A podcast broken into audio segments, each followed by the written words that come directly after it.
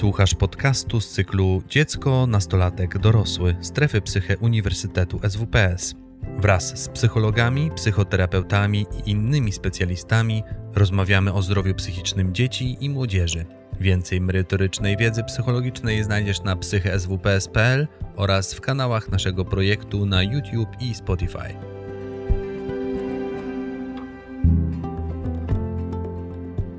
Celem mojego wystąpienia jest dostarczenie przede wszystkim wiedzy, która dotyczy dziecka prawidłowo rozwijającego się.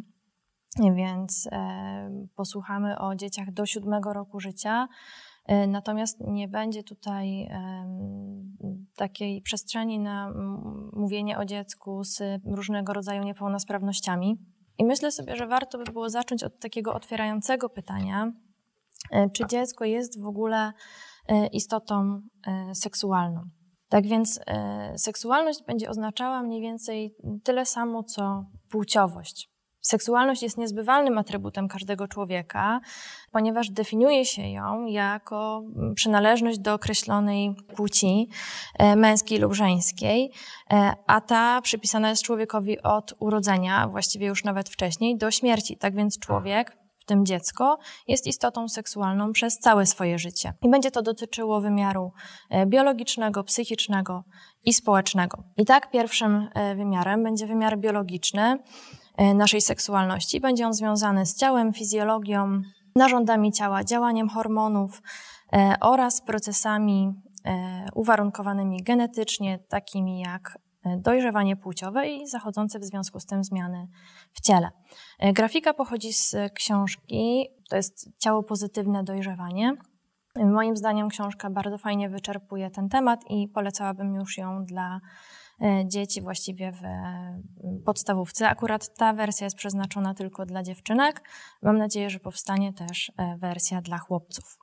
Byłoby jednak błędem ujmowanie seksualności tylko na jednym wymiarze, ponieważ człowiek jest istotą odczuwającą całą gamę przeżyć, emocji, uczuć. Nie da się oderwać sfery seksualnej od świata emocji. Więc drugim ważnym wymiarem będzie ten wymiar psychiczny seksualności i będzie to sfera związana z przeżywaniem pewnego rodzaju przyjemności, czy też e, zaciekawienia, ekscytacji związanej z, e, ze swoim własnym ciałem, czy też ciałem drugiego człowieka. Natomiast w tej sferze mogą pojawić się również uczucia wstydu e, czy lęku, a również zakłopotania związanego z seksualnością. I w dużej mierze uczucia dotyczące tej sfery życia będą zależały od wychowania, wartości, religijności e, oraz podejścia do spraw związanych z seksualnością prezentowanego przez rodziców. I myślę, że tak płynnie przejdziemy do trzeciego wymiaru seksualności, jakim jest wymiar społeczny. E, człowiek funkcjonuje w różnych grupach od urodzenia.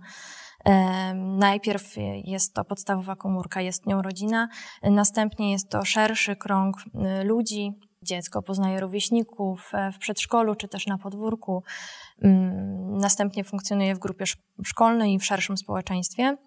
W związku z tym, że dziecko zaczyna wchodzić w relacje z innymi ludźmi, e, będzie mm, poznawało pewien system norm, zasad, zakazów związanych z funkcjonowaniem w społeczeństwie, w tym także dotyczących e, seksualności czy intymności. Będzie ono y, uczyło się tego, jakie są granice kontaktu z drugą osobą, z rodzicami, z rówieśnikami, z osobami obcymi. E, będzie się uczyło tego, że istnieje pewien podział na role męskie, kobiece i tego, jakie są w związku z nimi e, oczekiwania społeczne. I takim slajdem, który y, wydaje mi się dość fajnie pokazuje to, co się wydarzyło nawet kulturowo w ostatnich dziesięcioleciach, jest to, jak są kreowane księżniczki Disneya. Od y, Śnieżki po waleczną y, Wajanę, Meridę czy, czy Elzę z krainy lodu. I myślę, że tutaj fajnie jest pokazane, jakie cechy są aprobowane społecznie, jakie się promuje, jak te role się zmieniają. Tak więc dziecko jest istotą seksualną, ale na innym etapie rozwoju niż osoba dorosła. W związku z tym będzie prezentowało inną gamę zachowań charakterystyczną dla wieku, e, w którym się znajduje.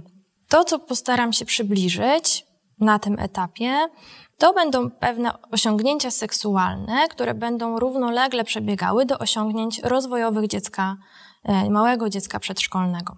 I tak jakby pokażę trochę tych zmian w rozwoju fizycznym, e, poznawczym, moralnym i emocjonalnym. Pokrótce. Myślę sobie, że jeżeli chodzi o ten rozwój fizyczny, to w ogóle pewne biologiczne uwarunkowania, budowa narządów intymnych, tutaj na przykład wykształcenie penisa wraz ze wszystkimi elementami budowy wewnętrznej, będzie powodowało równolegle w sferze seksualnej zdolność do erekcji, przy czym u małych dzieci będzie ona w odpowiedzi na bodźce fizyczne, czy też na przykład opanowanie chwytu dowolnego będzie mm, pociągało za sobą zdolność do dowolnego dotykania e, genitaliów. I tutaj mamy taki pierwszy przykład, gdzie można zobaczyć, jak małe dziecko, które leży bez pampersa, poznaje swoje ciało. Tak jak poznaje swoją e, głowę, e, zaczyna odkrywać, że ma stopy, paluszki, ręce, brzuszek, tak samo odkryje, że ma miejsca intymne, do których w związku z tym, że nie ma tam pampersa, czy w trakcie kąpieli ma dostęp. E, jeżeli chodzi o rozwój poznawczy, to myślę, że to, co głównie będzie się rzucało w ucho e, rodzicowi czy opiekunowi, to za zdolnością do posługiwania się słowami będzie dziecko w kontekście sfery seksualnej podejmowało taką próbę do posługiwania się nazwami y, części ciała czy czynności intymnych. Będzie też mogło zadawać pytania dotyczące tego, czy ktoś jest tak samo zbudowany, czy inaczej. E, będzie mogło jakoś e, porównywać jak wyglądają narządy innych dzieci, czy między rodzicem a dzieckiem, gdy będzie ono świadkiem, nie wiem, przebierania się czy, czy kąpieli. O, tutaj też y, dzieci będą pytały w związku z rozwojem poznawczym, będą w stanie nadążać za tym, gdy będziemy im opowiadać o tym, y, jak przebiega ciąża, jak wygląda życie dziecka w okresie ciąży. Jeżeli chodzi o rozwój moralny, to tu przede wszystkim zdolność dziecka do uwewnętrzniania zakazów wprowadzonych przez osoby dorosłe, tego, żeby jakoś zapoznawać się z normami, które służą regulacji mm, międzyludzkich. Będzie się to przekładało na to, że dorośli będą też e, jakoś e, przekazywać, może bardziej wprost, może, może mniej wprost, pewnego rodzaju e, zakazy dotyczące podejmowania określonych zachowań seksualnych. Jeżeli chodzi o rozwój emocjonalny, zaczną się pojawiać na etapie rozwoju dziecka przedszkolnego uczucia, emocje związane ze społeczną oceną, duma, wstyd. I myślę sobie, że czy, czy w ogóle zdolność do nazywania swoich stanów czy emocji, i to w sferze seksualnej będzie się przekładało mniej więcej na to, że gdy dziecko na przykład spotka się z jakąś karcącą uwagą dorosłego bądź opiekuna, może w tej sferze również przeżywać wstyd, Mam tutaj na myśli taki nieadekwatny, ale możemy też mówić o takim e, adekwatnym wstydzie, związanym w ogóle z tym, że pewne czynności jakby są intymne. I tutaj jakby możemy usłyszeć od dzieci, e, które uczą się korzystania z toalety o tym, że one chcą, żeby dorosły wyszedł, że nie potrzebują na przykład pomocy przy kąpieli, to jest ok, to jest mm, w rozwoju e, charakterystyczne, adekwatne i dobrze jest to szanować. Dzieci potrzebują tego.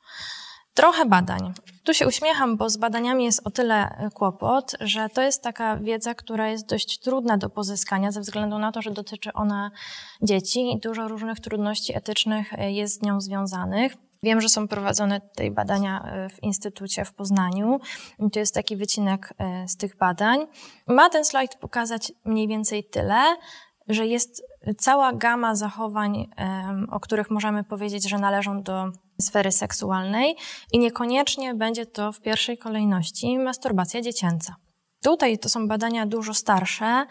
W tej tabeli zobaczymy, jakie zachowania seksualne związane z rozwojem mogą przejawiać najczęściej dzieci w wieku e, przedszkolnym i e, szkolnym. Tutaj akurat były prowadzone badania na, dotyczące dzieci od 2 do 12 roku życia. I między innymi zobaczymy, że szczyt tych zachowań będzie jakoś miał miejsce około 3-5 roku życia i tutaj dotykanie swoich narządów płciowych będzie zachowaniem bardzo częstym. E, akurat tutaj procentowo mamy y, chłopców, którzy jakoś najczęściej przejawiają te zachowania, natomiast myślę sobie, że e, fajnie byłoby to zobaczyć na świeższych badaniach. Mam nadzieję, że takich się doczekamy. Z mojej perspektywy, też jako praktyka, przejawy seksualności dziecka to zawsze okazja do rozmowy edukacji. Często rodzice pytają, to kiedy mamy zacząć rozmawiać z dzieckiem? Ja myślę, że dzieci nas naturalnie zapraszają do tego, y, żeby z nimi rozmawiać na ten temat. Podpytują w kąpieli, przy sytuacjach higienicznych, przy przebieraniu, dotykają nas, tak? Jakby sprawdzają. To są wszystko zachowania rozwojowe. Mm, dobrze jest, jeśli widzimy tego typu zachowanie, podjąć temat, wejść e, z dzieckiem w dialog. Dzieci zazwyczaj bardzo dobrze reagują, e, gdy rodzice poświęcają czas na udzielenie informacji, e, ale ważne jest to, żeby podać takie informacje, które będą odpowiednie dla wieku i poziomu rozwojowego. Przechodząc jakby już stricte do tego wycinka związanego z masturbacją dziecięcą, y, myślę sobie, że chciałabym ją ująć y, jako jedno z zachowań, które możemy zobaczyć u takiego małego dziecka. I tutaj będziemy wyróżniać właśnie zachowania masturbacyjne, czyli autoerotyczne. Będziemy mieli trzy wzorce masturbacji dziecięcej, czyli rozwojową, eksperymentalną i instrumentalną, zachowania orientacyjne, interakcyjne i tak zwaną twórczość dziecięcą. I po kolei troszeczkę o każdym. Jeżeli chodzi o zachowania masturbacyjne, będą one polegały na samodzielnej stymulacji własnych obszarów erogennych i wywoływania w ten sposób przyjemnych doznań. To, że małe dziecko jest w stanie zauważyć, że z miejsc intymnych płyną różne, inne jakościowo doznania niż z dotykania brzucha, ręki, głowy, jest całkowicie normalne i może mu to sprawiać przyjemność ze względu na to, że jest to miejsce bardziej unerwione, bardziej ukrwione, a skoro zna takie doświadczenie, to może chcieć je powtarzać. To jest zachowanie rozwojowe, nie należy go mm, tępić czy karać. Przy czym powiemy sobie o takich zachowaniach masturbacyjnych, które będą wymagały pewnej e, interwencji czy psychoedukacji. Jeżeli chodzi o zachowania masturbacyjne, one będą miały różne funkcje. I teraz jakby będą miały funkcję taką, że dzieci będą szukały i zaspokajały przyjemność, e, ale może się też tak zdarzyć, że będzie to zachowanie rozładowywało napięcie z motywacji pozaseksualnej czyli e, związane z pewnego rodzaju e, emocjami, stresem, lękiem i nad tym trzeba już będzie się pochylić i e, wesprzeć takiego malca. Jeżeli chodzi o zachowania orientacyjne, to celem będzie zdobycie informacji na temat różnic anatomicznych w budowie dziewczynek, chłopców, kobiet, mężczyzn oraz funkcji, jakie spełniają te różnice. I tutaj dzieci będą próbowały to jakoś zweryfikować, zobaczyć, będą się przyglądały, y, będą porównywały między sobą, czy też będą patrzyły na rodzica. Może się zdarzyć, że będą się ocierały o inne dzieci, o dorosłych, będą przez bluzkę sprawdzały, czy dorosły jest tak samo zbudowany jak dziecko. Dzieci między sobą będą również y, porównywać te informacje. Ok, jeżeli chodzi o zachowania interakcyjne, to myślę sobie, że tutaj przede wszystkim podstawową różnicą jest to, że one się będą odbywały w kontakcie z rówieśnikiem. I tutaj po pierwsze myślę, że celem jest zaspokojenie ciekawości, zdobycie informacji, ale też pewnego rodzaju przyjemność. I to będą wszelkiego rodzaju zabawy w doktora, czy odtwarzanie y, pewnych, nie wiem, scen seksualnych, które dziecko, y, których dziecko było y, na przykład świadkiem, bo mogło podejrzeć swoich rodziców i w związku z tym jakoś próbować sobie poradzić z tym doświadczeniem w taki sposób, że odtwarza je w zabawie, żeby je przetworzyć. I teraz myślę sobie, że y, w ogóle, jeżeli dzieci bawią się w taki sposób, to tak jak powiedziałam, y, dobrze jest z nimi rozmawiać, edukować, wspierać to, jak sobie radzą z różnymi tematami. Być może pewne treści dla poszczególnych dzieci będą zbyt trudne do przetworzenia. To będą też wszelkiego rodzaju, i, i, tak będziemy przechodzić do zachowań twórczych, bo y, dzieci będą nam pokazywały najczęściej w zabawie albo właśnie w swojej twórczości pewne treści, no, które są jakoś dla nich istotne. I tak, jeżeli chodzi o seksualność, to w, w rysunkach możemy zobaczyć nagie postaci, czy w ulepiankach możemy zobaczyć różnego rodzaju kształty narządów intymnych. Mogą się pojawiać też wierszyki z wulgaryzmami dotyczące seksualności. I bardzo fajnie jest, jeżeli rodzic trochę potraktuje to jako sygnał i okazję do rozmowy, e, a nie jakby rzecz, za którą trzeba e, dziecko skarcić i jak najszybciej wyeliminować. Myślę sobie, że rodzice przychodzą do gabinetu często z, taką, z takim problemem, że dziecko się masturbuje, że ma onanizm dziecięcy, że dotyka się tam, albo robi to, albo też często się pojawia, że zaciska nóżki. Często się też pojawia pytanie, czy dziecko jest zdolne do przeżywania orgazmu. No i teraz myślę sobie, że fajnie jest to rozgraniczyć, że dziecko może przeżywać pobudzenie i to będzie widać, to można zauważyć. Zauważymy wtedy przyspieszony oddech, zaczerwienienie, e, plamy na ciele. Może taka aktywność sprawiać dziecku przyjemność na poziomie fizjologicznym. Różnica polega na tym, że u dziecka to będzie związane z fizyczną stymulacją, a u nastolatków i dorosłych istnieje możliwość wywołania pobudzenia czy napięcia seksualnego za pomocą myśli, wyobrażeń, fantazji, fantazji erotycznych, czy obserwowania jakby seksualnie pobudzających obrazów. U dziecka to będzie po prostu przyjemność dotykania bardzo wrażliwych obszarów ciała. To, co ja gdzieś lubię y, z rodzicami w pracy, to to, żebyśmy próbowali opisać pewnego rodzaju zachowanie tak, jak je widzimy. Czyli co dziecko robi. I tak jak na tym zdjęciu, dziecko patrzy na swoje krocze. Wiem, penisa, srom, można powiedzieć, że dotyka tak? Y, penisa czy wargi sromowe. Łatwiej jest nam wtedy jakoś tym operować y, w pracy, niż gdy używamy pewnych pojęć. Dlaczego? I to powiem za chwilę, bo gdzieś sobie myślę, że y, za pewnymi określeniami seksualnymi idzie też cała gama naszych odczuć, emocji i przekonań. Skoro zaczęliśmy już mówić stricte o tej masturbacji dziecięcej, tym wycinku wszelkich możliwych zachowań seksualnych, które możemy zobaczyć u dziecka przedszkolnego, to nasuwa się takie pytanie, jakie zachowanie będzie rozwojowe, na które nie trzeba jakoś specjalnie reagować, a które już miałoby być w jakiś sposób martwiące czy wymagać wsparcia. I tutaj takim narzędziem, za pomocą którego możemy sobie to troszeczkę rozróżnić, będzie norma seksualna y, dla dzieci i młodzieży. Ona ma takich siedem charakterystycznych punktów. I postaram się je pokrótce y, przybliżyć. Zachowanie będzie mieściło się w normie, czy będzie uznawane jako rozwojowe, jeżeli nie będzie utrudniało realizacji zadań rozwojowych przewidzianych dla danego okresu. Co to znaczy? Że na każdym etapie rozwojowym, czy to w dzieciństwie, dorastaniu, czy dorosłości, człowiek stoi, mm, czy przed człowiekiem stoją pewnego rodzaju zadania. E, I jeżeli chodzi o dziecko przedszkolne, takimi zadaniami rozwojowymi dla niego będzie przede wszystkim zabawa, poznawanie świata, kontakt z rówieśnikami. Jeśli takie zachowanie nie będzie kolidowało z realizowaniem tych zachowań, nie będzie ich ani ograniczać, ani uniemożliwiać, ani e, dominować innych form aktywności, to będzie to zadanie rozwojowe. Kryterium to ma głównie charakter ilościowy. Dlatego ważna jest jakby obserwacja i to, co się z dzieckiem dzieje. Jeżeli chodzi o drugi punkt, czyli to, że takie zachowanie miałoby się mieścić w repertuarze zachowań seksualnych charakterystycznych dla danego wieku, mamy tutaj e, odrobinę trudności z mm, badaniami, które miałyby być świeże i podawać rzeczywiście, jakie zachowania miałyby się mieścić w tej normie dla danego wieku. Natomiast operujemy tym, co mamy.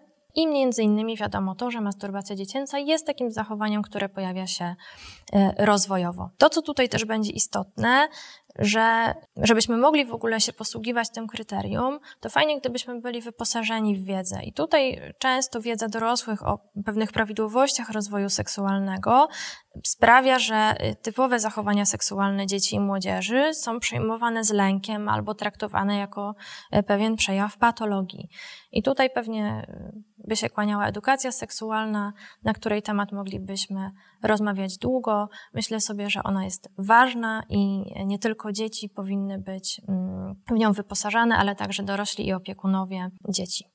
Trzecim punktem normy seksualnej dla dzieci i młodzieży będzie to, że dana aktywność miałaby się mm, dokonywać między osobami będącymi w zbliżonym wieku, i tutaj chodzi przede wszystkim o to, że miałaby to być równa pozycja osób podejmujących to zachowanie.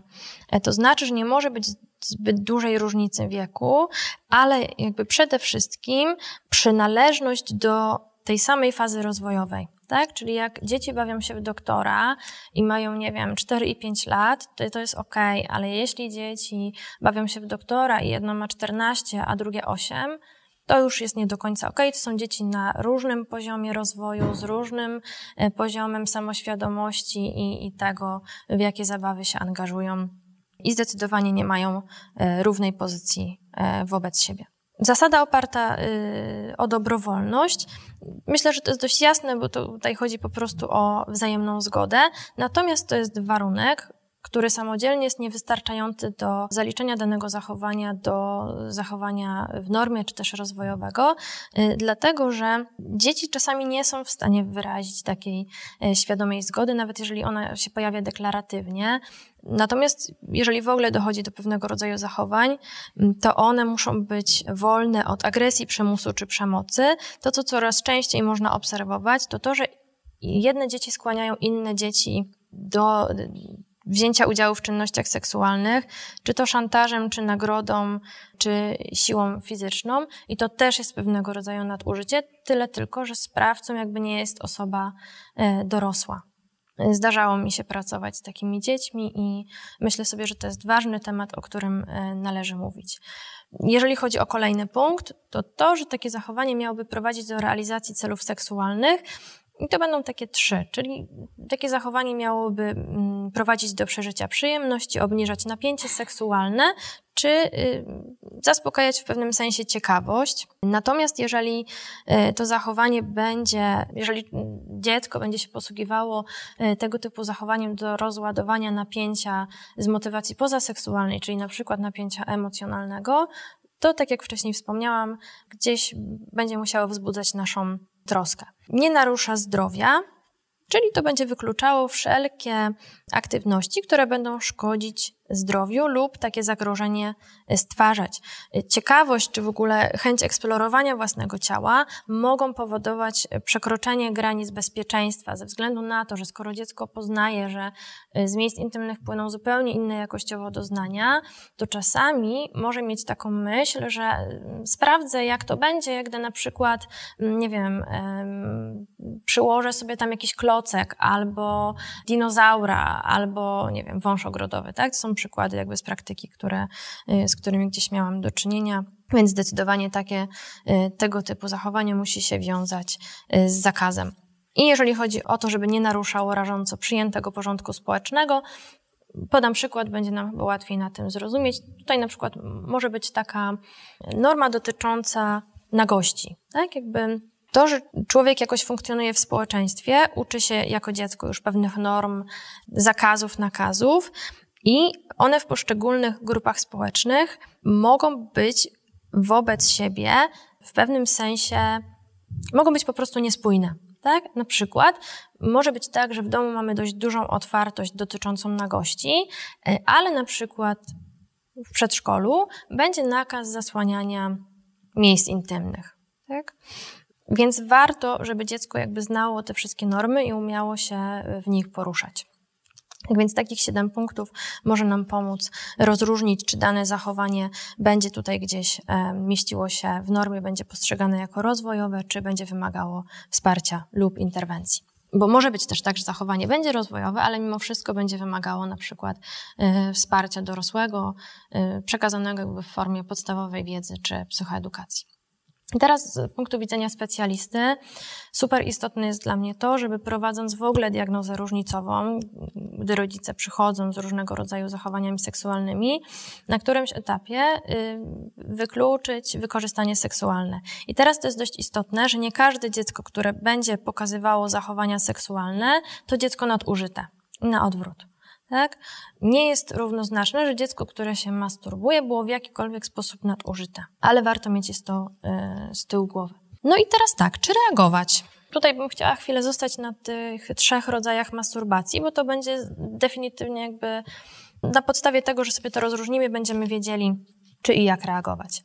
I teraz tak, masturbacja, o której mówiłam, rozwojowa, której celem będzie wyłącznie uzyskanie przyjemności, ona powinna do siódmego roku życia przeminąć sama, bez naszych jakichś szczególnych interwencji. Jeżeli nie zakłóca realizacji zadań rozwojowych, jeżeli nie ma uporczywego charakteru, nie wiem, publicznego, to to jest takie zachowanie, z którym tak właściwie nie trzeba robić nic. E, natomiast jeżeli chodzi o masturbację eksperymentalną i instrumentalną, to tu jest rzeczywiście pole do y, wsparcia dziecka. Ze względu na to, że masturbacja eksperymentalna poza motywacją poznawczą i tym, co się zadzieje, gdy ja zrobię coś, na przykład za pomocą jakiegoś przedmiotu y, i jakby uzyskanie y, dzięki temu jakiegoś rodzaju przyjemności czy innych atrakcyjnych odczuć, może pociągać za sobą to, że będzie powodowała uszkodzenia ciała.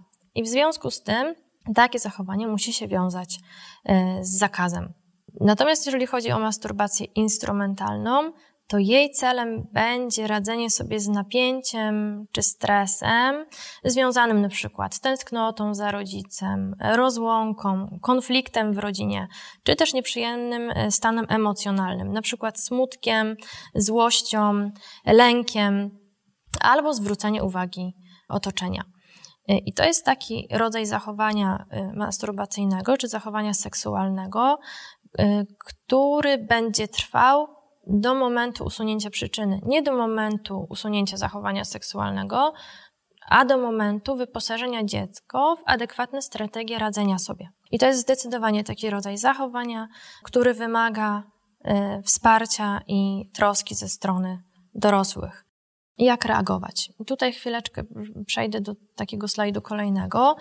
To, co gdzieś jest tutaj dla mnie istotne, to gdy rodzic się zgłasza, to dlaczego w ogóle takie zgłoszenie mm, dotyczące zachowania masturbacyjnego się pojawia. Czy to jest tak, że y, ja jako rodzic, opiekun, nie wiem, na przykład przedszkolny, nie wiem, co się z nim dzieje, nie wiem, co się dzieje z tym dzieckiem, czy martwię się o to, że jest chore, y, czy to, że, że na niego jakoś to źle wpłynie, na jego rozwój, tak? I dobrze jest w ogóle zacząć od tego, żeby przyjrzeć się, z jakimi emocjami, przekonaniami y, wchodzi rodzic jakie y, ma przekonania dotyczące własnej seksualności, stosunku do nagości, do masturbacji, y, jakie emocje będą towarzyszyć dorosłym w kontekście seksualności, y, jak my się komunikujemy między sobą, bo to się będzie przekładało na to, jak my się komunikujemy z dzieckiem w obrębie jego seksualności.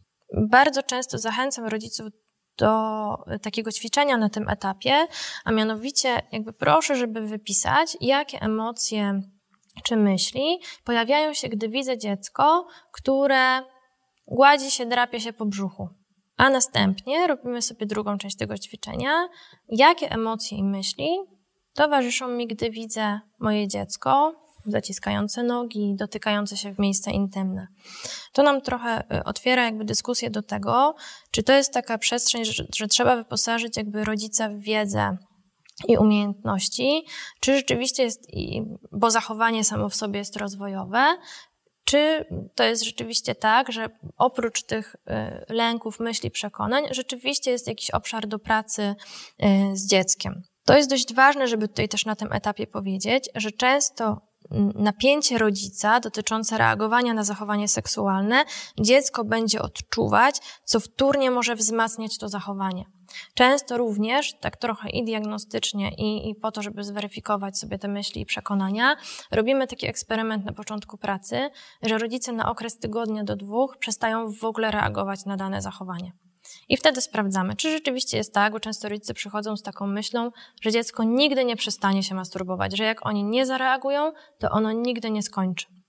E, I myślę sobie, że e, taki eksperyment też nam pokazuje, czy rzeczywiście jest to zachowanie, które się cechuje pewnego rodzaju uporczywością, gdzie jest go naprawdę sporo i zakłóca funkcjonowanie dziecka, czy jakby jest wzmacniane tym, że są pewnego rodzaju napięcia rodzinie wokół, wokół tego tematu. E, I nie byłoby takiego nasilenia, gdyby w ogóle ten temat jakoś zostawić. I tutaj się cofniemy do mojej ulubionej metafory y, góry lodowej, y, a mianowicie często jakby to, z czym y, na pierwszy rzut oka gdzieś tutaj się mamy mierzyć, to jest to zachowanie masturbacyjne, gdzie, gdzie ono się pojawia, gdzie rodzice zgłaszają, że to jest problem. Czasami rodzice się zgłaszają z własnej inicjatywy, czasami z inicjatywy placówki z przedszkola, e, czasami z powodu, tak jak powiedziałam, własnych obaw. Czasami też zaniepokojeni są częstotliwością, nawet nie samym zachowaniem, co, e, co w ogóle e, ilością, częstotliwością. I teraz tak, jak zatrzymamy się na samym zachowaniu masturbacyjnym, to jest ryzyko, że czegoś nie zauważymy. I tutaj fajnie jest się przyglądać, czy nie dzieje się coś dodatkowego. W kontekście jakby rozpoznania tej masturbacji instrumentalnej. Tak? I jeżeli rzeczywiście jest tak, że pewnego rodzaju zachowania nasiliły się, bo pojawiło się rodzeństwo, bo dziecko poszło do przedszkola, bo y, jest konflikt w rodzinie, bo się dzieją jakieś rzeczy rozwojowe, na przykład dziecko uczy się samodzielnego spania y, i totalnie nie radzi sobie z tym rodzajem napięcia emocjonalnego, i w związku z tym pojawiają się zachowania masturbacyjne, y, no to myślę sobie, że to jest taka sytuacja, i tutaj będziemy mieli do czynienia z tą masturbacją instrumentalną, gdzie nie skupiamy się na zachowaniu seksualnym, tylko skupiamy się na wsparciu dziecka w obszarach, których, y, które tego wymagają. Skupianie się na zachowaniu seksualnym bez adresowania przyczyny i dostarczania y, adekwatnych do wieku strategii radzenia sobie będzie po prostu nieskuteczne. Tu się nam nic nie zadzieje w kontekście zachowania seksualnego, ono nadal będzie się pojawiać, tyle tylko, że dziecko może ogarnąć, że musi się bardziej z tym y, ukrywać. Niejednokrotnie zdarzyło się, jak pracuję jakby z tego rodzaju mm, zachowaniami, że gdy dziecko zostało wsparte, gdy zostało wyposażone w umiejętności społeczne, gdy okazało się, że zajęliśmy się mutyzmem wybiórczym, który gdzieś tam się pojawił, e, gdzie dziecko, które potrzebowało biologicznie pewnego rodzaju dobodźcowania, zostało wsparte w tym zakresie, zachowania masturbacyjne się e, wyciszyły. W kontekście jakby w ogóle zachowań wszelkiego rodzaju seksualnych, byłoby super ważne i istotne, żeby nie karać dziecka za ekspresję seksualną. Tak? Pewnego rodzaju emocje, myśli, które mamy, są nasze i to my potrzebujemy się nimi zająć, e, a dopiero później jakoś reagować, jeżeli chodzi o dziecko. E, tutaj trochę chciałabym pokazać, co mogą robić nasze reakcje dorosłych. Jeżeli się intensywnie karząco patrzymy na dziecko, to ono może mieć przekonanie, robię coś złego. Jeżeli e, mówimy, Zosiu, widzę cię, tak? Ono też może mieć przekonanie, że robi coś złego. Jeżeli mówimy wprost, nie rób tak, nie rób tak tymi nóżkami, dziecko może mieć przekonanie, że robi coś złego. W związku z czym to, jak rodzic reaguje i to, jakie napięcie wokół tematu jest w domu, może mieć więcej negatywnych skutków na rozwój psychoseksualny dziecka niż samo zachowanie seksualne w ogóle. Zakładając, że jest to masturbacja rozwojowa i jest to pewnego rodzaju, bo tak jak mówiłam, instrumentalną zajmujemy się y, przyczynami y, tymi, które widać pod powierzchnią tej wody, w tej metaforze góry lodowej. Mm, natomiast każde zachowanie seksualne będzie tutaj okazją do rozmowy i być może do psychoedukacji.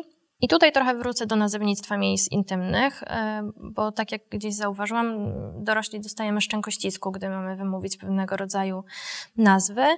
Ale to, co chciałabym zaznaczyć, to to, że dzieci po prostu je łykają i przyjmują. Tak? Dlatego, że one się uczą nazewnictwa części ciała, tego, że ręka jest ręką, noga nogą, głowa głową, brzuch brzuchem. Więc jeżeli powiemy, że e, ma waginę, srom e, lub penisa, to ono również to przyjmie. Dla dziecka to nie jest e, rewelacja, dla dziecka to nie jest nic zawstydzającego, to jest po prostu nazwa na pewną część ciała. Dlatego warto nazywać, używać poprawnych nazw, z, myślę sobie z dwóch powodów. Raz, że dziecko wie, jak te części ciała się nazywają, może się lepiej komunikować z innymi w tym zakresie. Mm, y, jak również, y, gdy, gdy to się pojawi gdzieś tam wśród rówieśników na lekcji biologii, to, to już nie będzie jakby y, związane z pewnego rodzaju pobudzeniem emocjonalnym, że to jest coś niesamowitego, tylko to będzie po prostu normalne. A druga kwestia jest taka, że to jest pewnego rodzaju prewencja nadużycia, bo jeżeli dziecku stałaby się krzywda i pójdzie po pomoc do dorosłego i powie, że ktoś się dotykał w muszelkę, to może nie zostać tak dobrze zrozumiane, jak dziecko, które przyjdzie i powie, że y, dorosły dotykał jej waginy tak? Y, gdzieś sobie myślę, że y, to jest y, dobrze, żebyśmy używali tego typu nazw, a nawet jeżeli używamy nazw potocznych, to nic nie stoi na przeszkodzie temu, żebyśmy prawidłowe nazwy wprowadzili do użytku. I tutaj taki przykład, który zazwyczaj podaję, że tak jak ucho jest uchem, a nie słyszadełkiem, tak penis jest penisem, a nie paróweczką. To, co też będzie się tutaj mieściło w psychoedukacji, to pewnie to, jeżeli takie zachowania mają nadmiarowo charakter publiczny i nie odbywają się tylko w domu, ale generalnie w różnych innych kontekstach, to dobrze jest dziecku na konkrecie pokazać, że dotykanie miejsc intymnych jest czynnością intymną, tak jak na przykład załatwianie się w toalecie. I dziecko jest w stanie to zrozumieć, bo uczy się korzystania y, z, z toalety i potrafi jakby to ogarnąć, że to jest taka czynność, którą rzeczywiście um, robi się w samotności. Dziecko potrzebuje wyjaśnienia dokładnego, co to znaczy. Czyli jeżeli mówimy, że coś jest prywatne, to należy dziecku wytłumaczyć, że to jest wtedy, gdy jesteśmy sami. Miałam takiego chłopca, który, mm, bardzo bystry de facto, e, który gdzieś e, zaznaczył, że e, no przecież nikt się na niego nie patrzy, to on może pewnego rodzaju zachowania wykonywać. No i tutaj sobie to omówiliśmy, że że gdy inni na nas nie patrzą, to nie znaczy, że jest to prywatny moment. Prywatny moment to taki, kiedy nikogo nie ma wokół nas, kiedy jesteśmy sami. I pozwoliłam sobie jakoś przytoczyć taki przykładowy komunikat, który można powiedzieć do dziecka, na przykład w domu, gdy widzimy, że że dane zachowanie trwa, możemy powiedzieć: Hej, wiesz, przyjemnie jest dotykać swojego ciała. Hmm? Można to robić, jeśli jest się samemu. Prywatne miejsca to te, w których przebywasz sam. I w naszym domu jest to Twój pokój albo łazienka. I takie dziecko ma jasną informację dotyczącą tego, gdzie realizowanie takiego zachowania jest ok, a gdzie nie. Bardzo często rodzice mówią, że gdy wprowadzają taką zasadę, gdy, gdy, gdy jest taka y, wolność, y, y, to te zachowania jakby samoistnie gdzieś tam nie ma tego napięcia wokół nich i one samoistnie też gdzieś zaczynają zanikać. I myślę sobie, że to jest taki slajd, który jakby jest ostatni, bo często rodzice pytają, no to jeżeli mielibyśmy rozmawiać, to w jaką wiedzę wyposażać dziecko? E, I tutaj w tej tabeli troszeczkę zebrałam jakby jakie wiadomości, czy jaka wiedza będzie adekwatna dla dzieci poniżej czwartego roku życia i między czwartym a szóstym. Oraz po prawej stronie będą te wszystkie informacje dotyczące bezpieczeństwa, prewencji nadużycia. Tak? Dzieci mają wiedzieć w wieku przedszkolnym, że chłopcy i dziewczęta się różnią, że mm, są adekwatne części ciała na miejsca intymne u chłopaków i u dziewczyn, że y, dzieci się rodzą, pochodzą od mam, jak przebiega ciąża u starszych dzieci, y, ale to, co jest najważniejsze, że niezależnie w jakim wieku jest dziecko, Y, to gdy zaprasza nas do jakichś, do dialogu w tym zakresie, to warto jest go podjąć. I teraz bardzo ważna rzecz. Można nie wiedzieć, jak rozmawiać z dzieckiem, można nie posiadać takiej wiedzy, ale fajnie jest wtedy powiedzieć dziecku, ok, zadajesz mi ważne pytanie, chcę tobie na nie odpowiedzieć, muszę ogarnąć, dowiedzieć się jak i przyjdę do ciebie za chwilę. Tak? Dobrze jest, jeżeli, tutaj taki przykład, dziecko w sklepie na przykład pokazuje na prezerwatywy i pyta się do rodzica, a co to? Tak? No, myślę sobie, że realnie można dostać szczękościsku i, e, i jakoś nie potrafić z tego wybrnąć, e, ale to jest ważne, żeby w ogóle jakoś do tego tematu wrócić. Tak? No, można powiedzieć, e, za chwilkę ci odpowiem. Tak? Spakujemy zakupy i za chwilkę ci odpowiem. Można pisać, umawiać się do specjalistów. Tak? Są też książki, mm, jak rozmawiać z dzieckiem o intymności, Gdzieś sobie myślę, że y, można gdzieś próbować taką wiedzę zdobywać, nawet jeżeli nie zostaliśmy w nią wyposażeni. Y, to, co jest y, dla mnie super istotne, to to, że jeżeli dziecko sprawdza nasze podejście tym sposobem, tak? Pytając, zapraszając nas do wchodzenia w ten temat, dziecko sprawdza nasze przekonania, nasze podejście do tematu i wychodzi z tego okresu wczesnodziecięcego z różnymi przekonaniami, czy można z nami rozmawiać, czy nie można na ten temat. I myślę sobie, że e, o tyle jakby jest to ważne, żebyśmy mieli taką gotowość, bo żyjemy w świecie, w którym e, dzieci mają dostęp do internetu. I tu by trzeba było sobie zadać pytanie, czy ja wolę, żeby dziecko przyszło do mnie z tym pytaniem, czy żeby wpisało w Google. Bo jak Państwo wpiszecie sobie w Google e, podstawowe e, pojęcia seksualne i dzieci przedszkolne potrafią przyjść z różnymi, na przykład dzieci zasłyszą, e, że ktoś kogoś przezywa i na przykład, że jedno dziecko przezywa drugie anal i takie dziecko wpisze to sobie w Google, to naprawdę zmierzy się z obrazem, który nie jest adekwatny ani do rozwoju, ani do wieku. Więc jeżeli Wasze dziecko przychodzi do Was z czymś takim, że dzieci przezywają go na przykład anal, tak, to warto jest, i ono nie rozumie, co to znaczy i nie wie, czy ma się denerwować, czy nie, ale wie, że to jest coś nie okay, to warto jest podejmować z dzieckiem dialog adekwatny do wieku. Można nie wiedzieć, jak to zrobić, ale wtedy warto sięgać po pomoc. Dziękuję. Dziękuję, Kasiu. Wspaniałe wystąpienie. To jest nie tylko moje zdanie, bo taki komentarz z YouTube'a pani Michaliny. Bardzo ważny, potrzebny temat, e, podany w przejrzysty, przystępny sposób. Dziękuję bardzo. Już na czacie też taka dyskusja, ale to, to jakby nie, nie, nie, nie w, w temacie tej grupy wiekowej, ale już możesz myśleć o przyszłorocznej konferencji odnośnie um, jakichś tematów seks, seksualności już dla młodzieży. Takie, takie zapytanie e, kogoś, kto chyba prowadzi też zajęcia z młodzieżą w tym temacie. Tak sobie myślę, bo, bo skończyłaś o różnych pozycjach. E, i czy, czy tak z głowy byś była w stanie podać jakieś materiały właśnie albo dla, dla rodziców, albo dla dzieci, ale też dla na przykład um, przedszkoli, żeby mogli zorganizować jakieś takie zajęcia psychoedukacyjne? E, powiem tak. Wiem, że jeżeli chodzi o Poznań, do swego czasu, bo też brałam w tym udział, takie warsztaty dla przedszkoli organizowała Fundacja Dziecko w Centrum. Nie wiem, jak to jest na ten moment. Mhm. Wiem, że takie warsztaty były i one też w obrębie seksualności się e, odbywały. Ja też je prowadziłam. Jeżeli chodzi o literaturę, tak z głowy na szybko, odnośnie tej sygnalizacji świetlnej, którą gdzieś miałam mhm. e, na, e, na prezentacji, ta sygnalizacja świetlna jest wzięta z takiej broszury, którą jeszcze robiła ze starej nazwy Fundacja e, Dzieci Niczyje, teraz to jest już Fundacja Dajemy Dzieciom Siłę i to są zachowania seksualne dzieci i młodzieży. To jest taka broszura, która jest w PDF-ie, którą można sobie ściągnąć i tam rzeczywiście jest pokazane, które zachowania będą tymi rozwojowymi, które pewnie będą wymagały mhm. delikatnego wsparcia, tudzież psychoedukacji, a które to będą te, których trzeba być czujnym i one są na żółto zaznaczone, jak również te, te na czerwono, które mogą sugerować już jakąś traumę czy nadużycie u dziecka albo jakiś taki problem, którym należałoby się y, zająć. Ale z tego, co mówiłaś, to też rozumiem, że e, poza oczywiście taką indywidualną, e, indywidualną rozmową i nieignorowaniem tego u dziecka, to raczej wszelkiego rodzaju szkolenia, warsztaty raczej dotyczą dorosłych i tego, jak oni reagują na ten problem, a nie, nie pracujemy warsztatowo z samymi dziećmi o ich seksualności. Myślę sobie, że to jest bardzo ważne, y, to co teraz powiedziałeś, a to jest to, czego ja nie dopowiedziałam.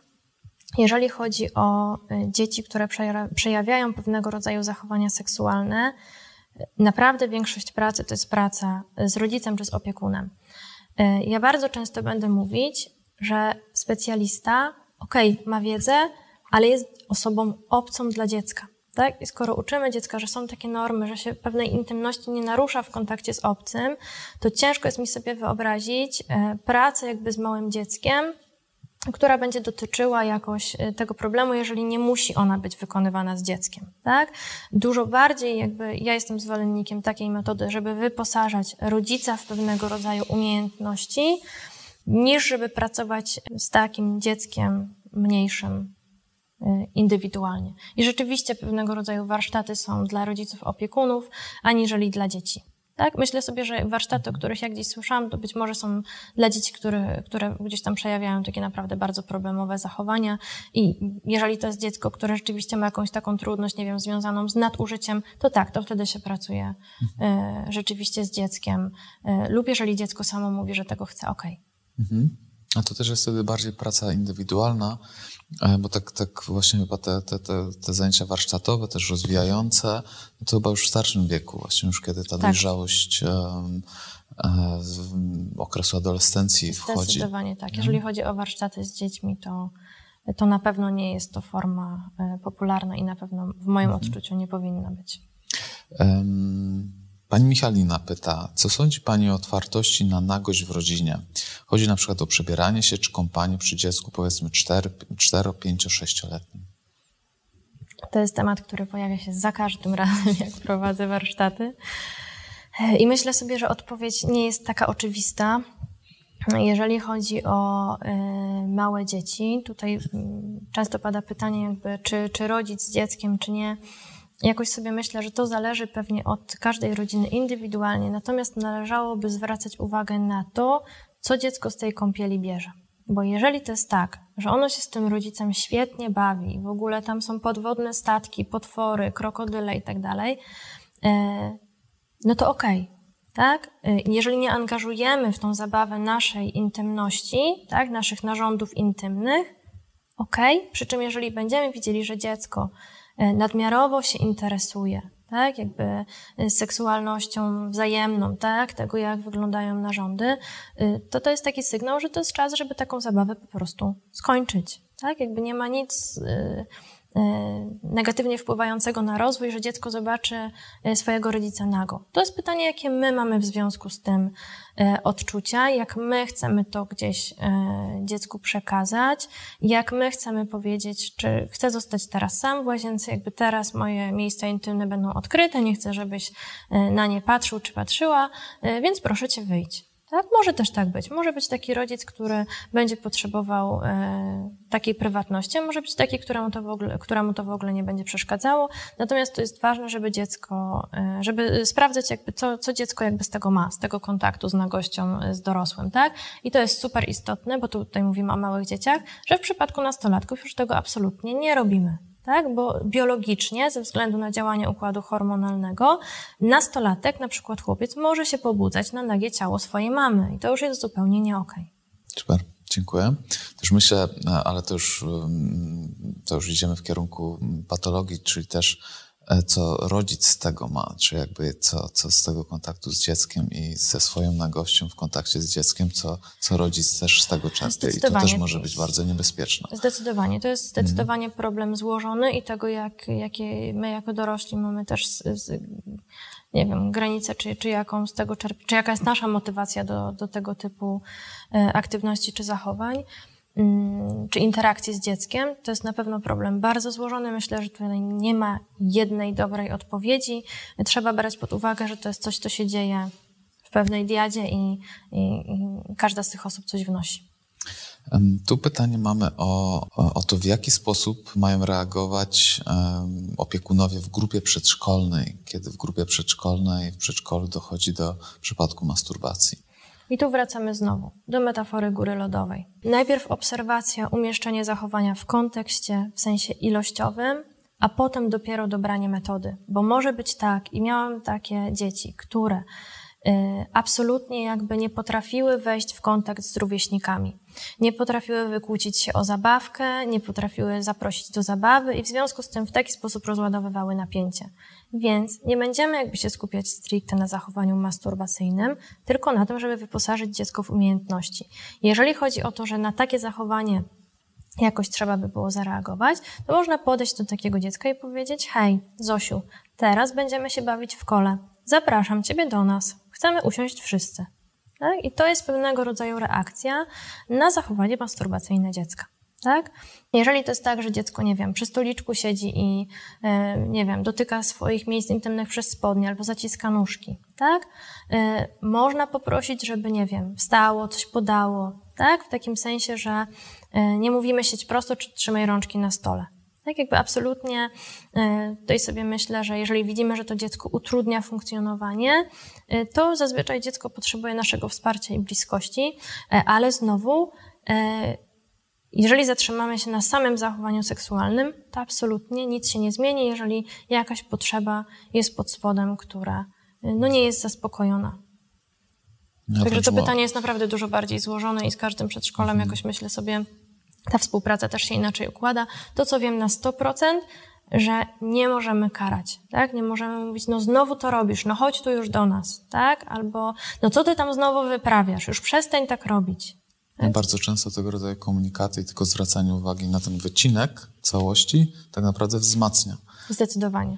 Nie? Zdecydowanie taki komentarz będzie powodował, że tego zachowania będzie więcej. Dziękuję. Tutaj taki, e, taki trudny, e, trudny temat, e, pewnie dla, dla wielu osób. Tu zaczęłaś wystąpienie o, o mówieniu o wartościach, ale w jaki sposób można rozmawiać z rodzicami o tym temacie, którzy pochodzą z małej miejscowości, są bardzo religijni i gdzie słyszeli, że, to, że seksualność, szczególnie ta, ta seksualność związana z dzieckiem, no to jest grzech i, i że to jest coś złego. Trudny temat. Hmm? Trudny temat, dlatego że myślę sobie, że nie da się oderwać też tej sfery od wartości, przekonań czy światopoglądu. Ale ja chcę wierzyć w to, że nawet jeżeli mamy przekonanie o tym, że takie zachowanie nie powinno się odbywać, to można ułożyć taki komunikat, który nie będzie obciążający emocjonalnie dla dziecka, który nie będzie sprawiał, że ono będzie czuło poczucie winy z tym związane. Dlaczego jakby to mówię? Bo jeżeli dziecko wyjdzie z takim przekonaniem, że to jest coś grzesznego, to jest coś złego, to będzie miało negatywne doświadczenia w kontekście swojej seksualności, z którymi pójdzie dalej. I w dojrzewanie, i w dorosłość. E, I to jest niebezpieczne. Więc myślę sobie, że to są e, zazwyczaj bardzo delikatne rozmowy, gdzie wiedzę przekazuje się tak czy inaczej. Rodzic zawsze ma wybór. Mhm. Natomiast myślę sobie, że pewnego rodzaju wiedza może pociągać też większą świadomość. Mhm. Tak? I, I jakoś, tak jak mówię, chcę wierzyć, że, e, że da się ułożyć nawet jeśli wprowadzamy jakieś normy czy zasady, taki rodzaj treści czy komunikatu, który nie będzie obciążający emocjonalnie dla dziecka, który nie będzie sprawiał, że ono będzie miało jakieś negatywne nastawienie do własnego ciała i własnej seksualności. Że nasze przekonania, wartości możemy realizować w różny sposób. Zdecydowanie tak. Dziękuję. To na sam koniec jeszcze dodatkowe e, podziękowania i, i, wyrazy uznania. E, pani Aneta, bardzo dziękuję za ten wykład profesjonalnie i bardzo przystępnie. Pani Lidia, świetne wystąpienie. Więc jeszcze raz dziękuję Kasiu, że z nami byłaś.